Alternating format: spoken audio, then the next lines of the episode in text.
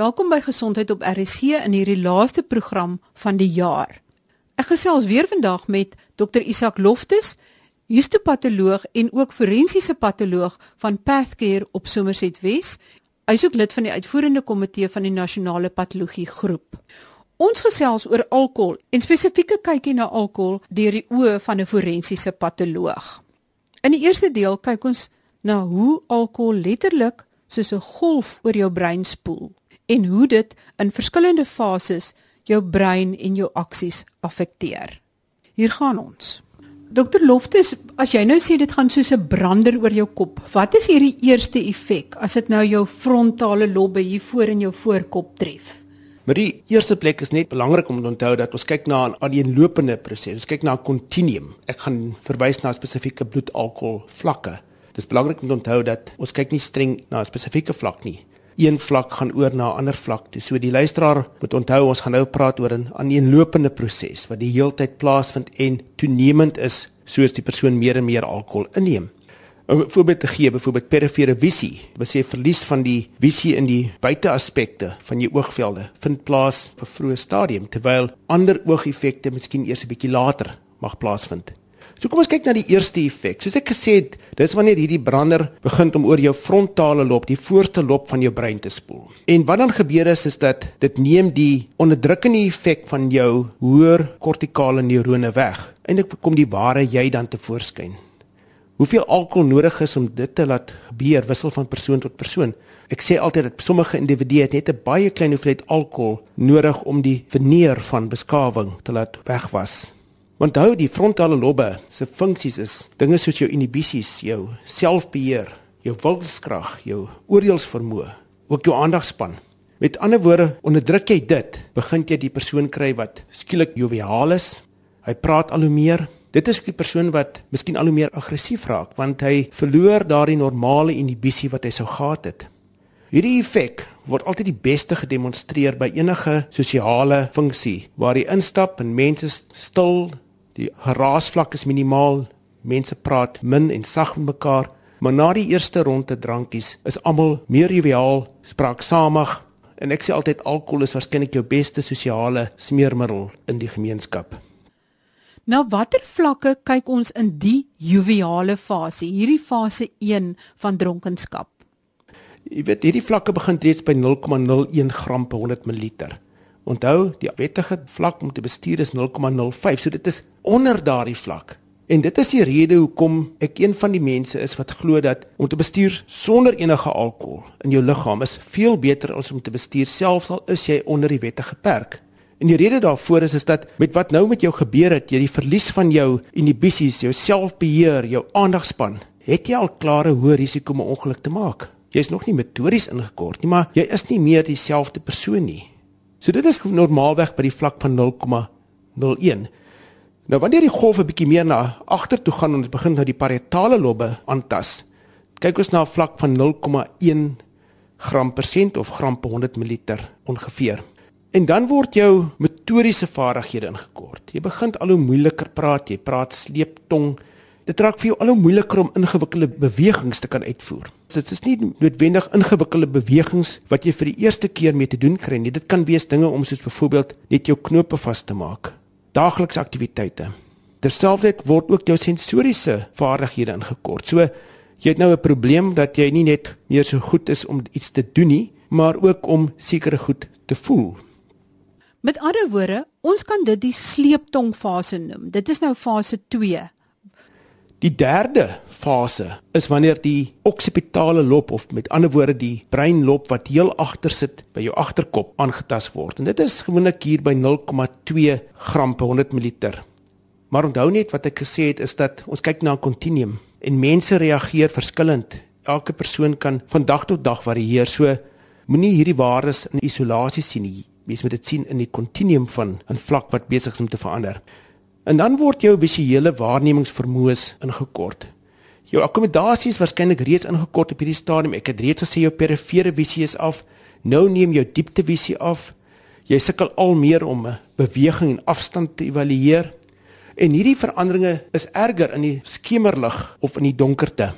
Ook gaan dinge soos byvoorbeeld die onderskeid van kleur verlore met hoër alkoholvlakke. En dit is die belang van alkohol wanneer dit kom by motorongelukke. Behalwe die feit dat die persoon se frontale lob aangetast is, behalwe die feit dat sy motoriese funksie aangetast is, het jy nou ook 'n persoon wat in effek halfblind is. Hy ry in die skemer, sy perifere visie is min, hy sien swakker in die donkerte en hy sien nie iemand voor hom in hardop nie. So die effek van alkohol op die oë is 'n baie belangrike effek, veral as dit kom by ongelukke. So mens kan fase 3 dan die sukkel om te sien fase noem, maar dan word sake nog erger.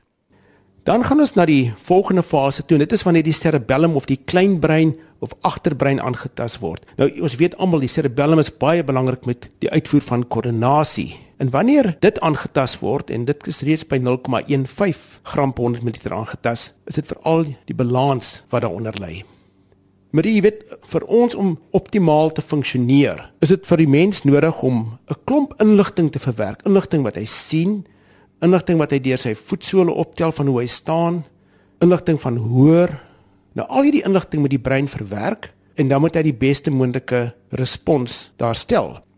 Dit is duidelik dat ons nou op 'n stadium is wat feitelik alles wat jy nodig het om as 'n nigter mens te kan funksioneer, is nou beperk. So die feit dat jy nie meer intakte inligting kry vanaf jou oë, vanaf jou sensasies nie, En as jy die bietjie inligting wat jy inkry probeer uitvoer, is jy ook nie meer motories daartoe in staat nie. Dit wys jou net die sneeubal effek wat hierdie golf nou tot gevolg het. Met ander woorde fase 4 is letterlik die neervalfase. Fase 5 En dan kom ons by die laaste twee fases en dit is wanneer die midbrein en die diencephalon, dit is die dele wat basies bokant die breinstam geleë is in die brein wanneer dit aangetast word. Gewoonlik word aangetast by vlakke van 0,25, maar dit kan ook heelwat laer wees. Dit is die fase wanneer die persoon moeg is, hy's lam, die regte papdronk fase. Dis ook wanneer die persoon geneig is om te braak.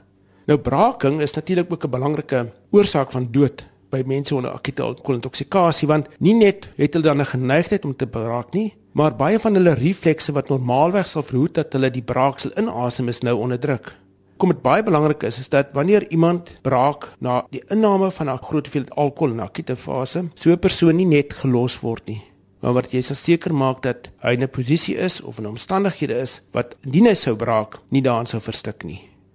Alle kragtig. Fase 5 is dis letterlik die papdronk en braakfase. Maar hoe moet die persoon lê dat hy nie verstik in sy eie braaksel nie? Hoe moet mens hom neerlê? as jy uh, te doen het met 'n persoon wat onder invloed van alkohol is en braak of risiko het om te braak, natuurlik as hy braak is dit belangrik om dit dop te hou en hom te assisteer so ver as moontlik. Maar sou jy hom wou neerlê, is dit verkieslik dat hy op die linkersy lê. Wanneer ons met enige persoon te doen het wat bewusteloos is vir watter rede ook al of in hierdie geval onder die invloed is van akute alkoholintoksikasie en het 'n risiko om te braak, is die beste posisie om neer te lê op sy linkersy die sogenaamde halfmaag liggende swemmersposisie, so hy lê op sy linkersy met sy kop op sy arms en sy een been effens oor die ander sodat hy nie omrol nie. Dit is 'n basiese noodhulpposisie. Die voordeel daarvan is as hy lê met sy kop na onder, so die braaksel sal uitloop. Hy lê ook op sy linkersy, ons het 'n groter risiko om te aspireer in ons regter long as in ons linkerlong as gevolg van die anatomie van die lugweë. En natuurlik, die belangrike ding is is dat die feit dat hy leef, neem hom ook al klaar uit ander gevaarsituasies uit. Dan kom ons by fase 6 wat erger is as bloot bewusteloosheid.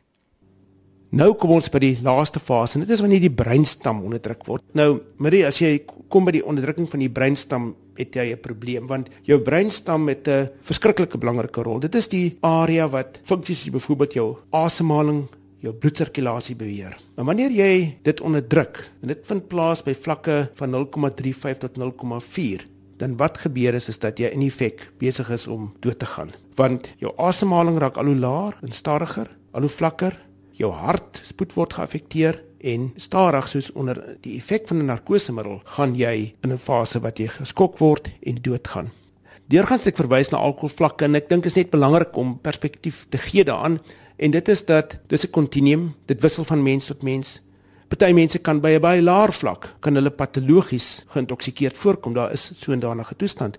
Ander kan by baie hoër vlak voorkom. Daar is mense wat alkoholvlakke van 0,7 gram per 100 ml gehad het en wat nie daarin dood is nie. So net belangrik daar is variasie en ek wil nie hê die luisteraar moet nou gaan sit en sê ag dit is nou 0,25 dis dit nie. Dit is 'n kontinuum en dit is soos ek gesê het 'n sneeubal effek daar kom net meer en meer en meer goed by.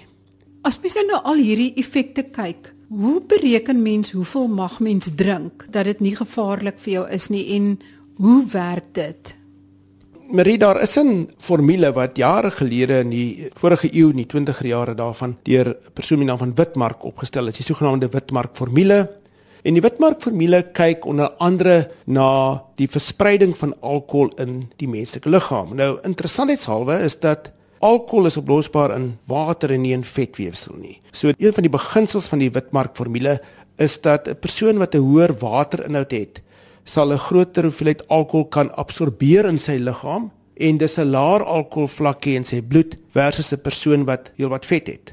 Dit is hoekom ons byvoorbeeld die witmark distribusiefaktor vir mans as 0,7 het, bedoelende dat rowweg 70% van die manlike liggaam is dan nou water waar die alkohol kan oplos teenoor die vrou wat 0,6 is, bedoelende 60% is water en kan dus alkohol akkommodeer. Nou enige een sal saamstem dat 'n formule wat dit byvoorbeeld gebruik in die hedendaagse tyd wanneer baie vrouens mader is as mans, sal klaar op die riskante area. Maar nogtans, die Witmark formule is 'n baie bruikbare formule om te gebruik en ons kyk na die hoeveelheid alkohol in die liggaam en ons sê dit is gelyk aan die massa van die persoon in kilogram, die alkoholvlak van die persoon in gram per sent of gram per 100 ml en dan die distribusiefaktor. Nou omdat Witmark hierdie formule in Duitsland die eerste keer gebruik het en ook in baie van die ander Europese lande, die gebruik is om na alkoholkonsentrasies te verwys as gram per promille, met ander woorde gram per liter en nie gram per 100 ml soos in Suid-Afrika en ook in Engeland nie, moet ons dan vermenigvuldig met 'n faktor van 10. So die formule is dan nou hoeveelheid alkohol sal wees die massa van die persoon in kilogram vermenigvuldig met sy bloedalkoholkonsentrasie vermenigvuldig met sy distribusiefaktor afhangende van man of vrou 0,6 of 0,7 maal 10. Nou ek het 'n interessante berekening uitgewerk. Dit is die hoeveelheid alkohol wat ek in die geval van 'n persoon van 70 kg, nou ons gebruik maar altyd so min medisyne 70 kg, 'n manlike persoon en kom ons werk uit hoeveel kan so 'n persoon drink om 'n alkoholvlak van 0,05 gram per 100 ml te gee. Voor ek dit die waarde gee, wil ek net weer eens beklemtoon. Mense drink nie volgens 'n sakrekenaar nie. Hierdie is suiwer net in die wye sin van die woord. So 'n persoon kan 24,5 gram alkohol drink. So wanneer 'n persoon 24,5 gram alkohol met een sal drink, dan kan mens verwag dat sy bloedalkoholvlak ongeveer 0,05 gram per 100 ml of gram per sent sal wees. Uiteraard is ek beklemtoon dit daar's baie faktore wat dit kan beïnvloed. Hang af van of hy ander medikasie gebruik, hang af van die toestand van sy maag, hang af van die tipe drank ensovoorts. Maar 24,5 gram alkohol is rofweg 2,5 sopies ons kan die spesifieke hoeveelheid alkohol in 'n spesifieke volume drank uitwerk vir elke spesifieke drank, maar ons gebruik grofweg 10 gram. So ons kan sê dit is 2,5 sopies wat 'n alkoholvlak van 0,05 sal gee. Hoeveel kan 'n mens drink as jy nog goed wil bestuur? As jy die bestuurder is van 'n voertuig en gegee die effekte wat dit gaan hê op jou frontale lob by alkoholvlakke van minder as 0,05, is my antwoord as jy enigstens kan, geen alkohol. Geen alkohol is verreweg die beste situasie. En dit is ook hoekom sekere lande beweeg na 'n sogenaamde zero toleransie wetgewing waar die persoon nie toegelaat word om enige alkohol in sy liggaam te hê nie. Dr Loftus, jy was nou al vele kere in die hof as 'n forensiese getuie en jy het al te doen gehad met sekere wanopvattinge van die publiek oor die padvervoerwet se afdeling bestuur onder die invloed van drank. Kan jy vir ons bietjie meer duidelikheid hieroor gee? Almal sal vir jou kan sê die bloedalkoholvlak moet 0,05 gram per 100 ml wees of die asemalkoholvlak moet X of soveel wees. Ek weet nie hoeveel luisteraars is bewus daarvan dat die padvervoerwet in artikel 65 sê dat in Engels no person shall on a public road occupy the driver's seat of a motor vehicle the engine of which is running while under the influence of intoxicating liquor or a drug having a narcotic effect. Die praktiese belang daarvan is is dat as 'n geneesheer besluit 'n persoon is onder invloed van alkohol, al is dit 0,03 wat sy bloedwaarde is, sal hy wettiglik aangekla kan word. En dit is daar om voorsiening te maak vir die persoon wat alreeds by 'n laer vlak klinies geïntoksikeerd sal voorkom. Nou, ek weet dit word baie min in die howe gebruik en ek dink meeste van gevalle berus maar gewoonlik op die bloedalkohol en tot 'n minder mate die asemalkohol konsentrasie, maar wees bewus daarvan dat selfs met 'n wettige bloedalkohol konsentrasie kan 'n persoon steeds aangekla word vir bestuur onder die invloed van alkohol indien 'n geneesheer dit sodanig bevind. As 'n mens die oggend nadat jy die vorige aand gekuier het, sleg voel, is dit 'n babbelaas of kan dit wees dat jy selfs nog dronk is? Vir al hierdie tyd van die jaar kuier mense tot laat aand, hulle gaan slaap en môreoggend ry hulle werk toe en hulle voel nie lekker nie, maar daardie effekte skryf hulle toe aan die feit dat hulle moontlike babbelaars het. Weet u dat indien jy gaan slaap met 'n alkoholvlak van 0,2 gram per 100 ml, 2 uur die aand en die volgende oggend ry jy werk toe. En kom ons sê dat 5 uur verloop vanaf die 2 uur tot die 7 uur wat jy nou werk toe gaan. Teen die feit dat jou alkohol net afbreek in 'n normale of 'n konstante spoed, maak nie saak hoe hoog die vlak is nie. En gegee die feit dat ons gewoonlik die waarde gebruik dat jou alkoholvlak sal daal teen 0,015 gram per 100 ml per uur. As ons so sommetjies maak, dan besef ons dat die volgende oggend, as daardie persoon 7 uur werk toe ry, kan sy bloedalkoholvlak steeds 0,125 gram per 100 ml wees. Meer as 2.5 keer die wettige vlak. So slaap, koffie drink, wat ook al het geen effek op daardie bloedalkoholvlak nie. Al wat gebeur het is dat tussen 2uur die oggend en 7uur die oggend was hy maar net op 'n bietjie meer veilige plek in uitgevaarsituasies. Hy is steeds wettiglik onder die invloed van alkohol en sou hy 'n ongeluk maak en sy alkoholvlak getoets word, sal hy duidelik ver buite die wettige perk wees. Dankie dokter Loftus. Jy het net nou gesê van die alkohol wat verwerk word deur die lewer en die lewer kan dit net teen 'n sekere tempo doen. Nou as daai dam se kraantjie oopgedraai word en jy het nou sê maar 2 en 'n half drankies gedrink, hoe lank voordat jy weer kan drink sodat dit nie hoër word nie? Maar ek het verwys net nou maar dat die bloedalkohol vlak daal met 'n konstante wat wissel van 0,01 tot 0,02 gram per 100 ml per uur. Ons aanvaar normaal in die forensiese medisyne dat die gemiddelde is 0,015, dit wil sê halfpad is nie 2. So jou alkoholvlak behoort teen daardie tempo te daal vir elke uur. Dit is baie moeilik om vir mense te sê hoe vinnig of hoe stadig moet jy drink by 'n byvoorbeeld 'n funksie. Die feit is is dat as jy een drankie elke 1 en 'n half uur drink. En onthou, baie manne glo dat hulle drankie is twee sopies. Ek praat nou van een soopie, nie 'n drankie soos gedefinieer deur elke individu se eie definisie nie. So wanneer jy een soopie per uur en 'n half sal drink, behoort jou liggaam te kan byhou daarmee. Gegee dat daar's geen ander rede hoekom dit dit stadiger moet metaboliseer nie of afbreek nie.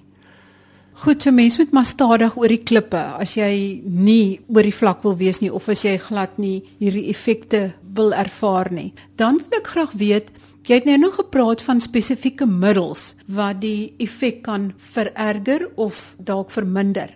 Kan jy dalk so een of twee voorbeelde noem? Maar daar is min middels wat die effek van alkohol kan verminder. Die meerderheid daarvan het 'n verswaarende effek en die verswaarende effek is baie maklik om te verstaan as ons in ag neem dat alkohol 'n onderdrukkende middel. So enigiets anders wat ook 'n onderdrukkende effek gaan hê, gaan die effek daarvan verswaar enige middels wat persoon mag neem byvoorbeeld vir geestesongesteldhede wat 'n sedeer effek het, 'n slaap effek het, gaan 'n definitiewe rol speel.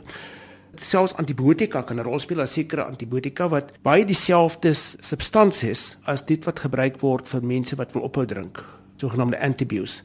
En wanneer jy alkohol drink saam met hierdie middels, antibiotika, kan jy wat ons noem 'n antibiotic effek ondervind wat 'n baie ongemaklike effek is as ek dit so kan stel.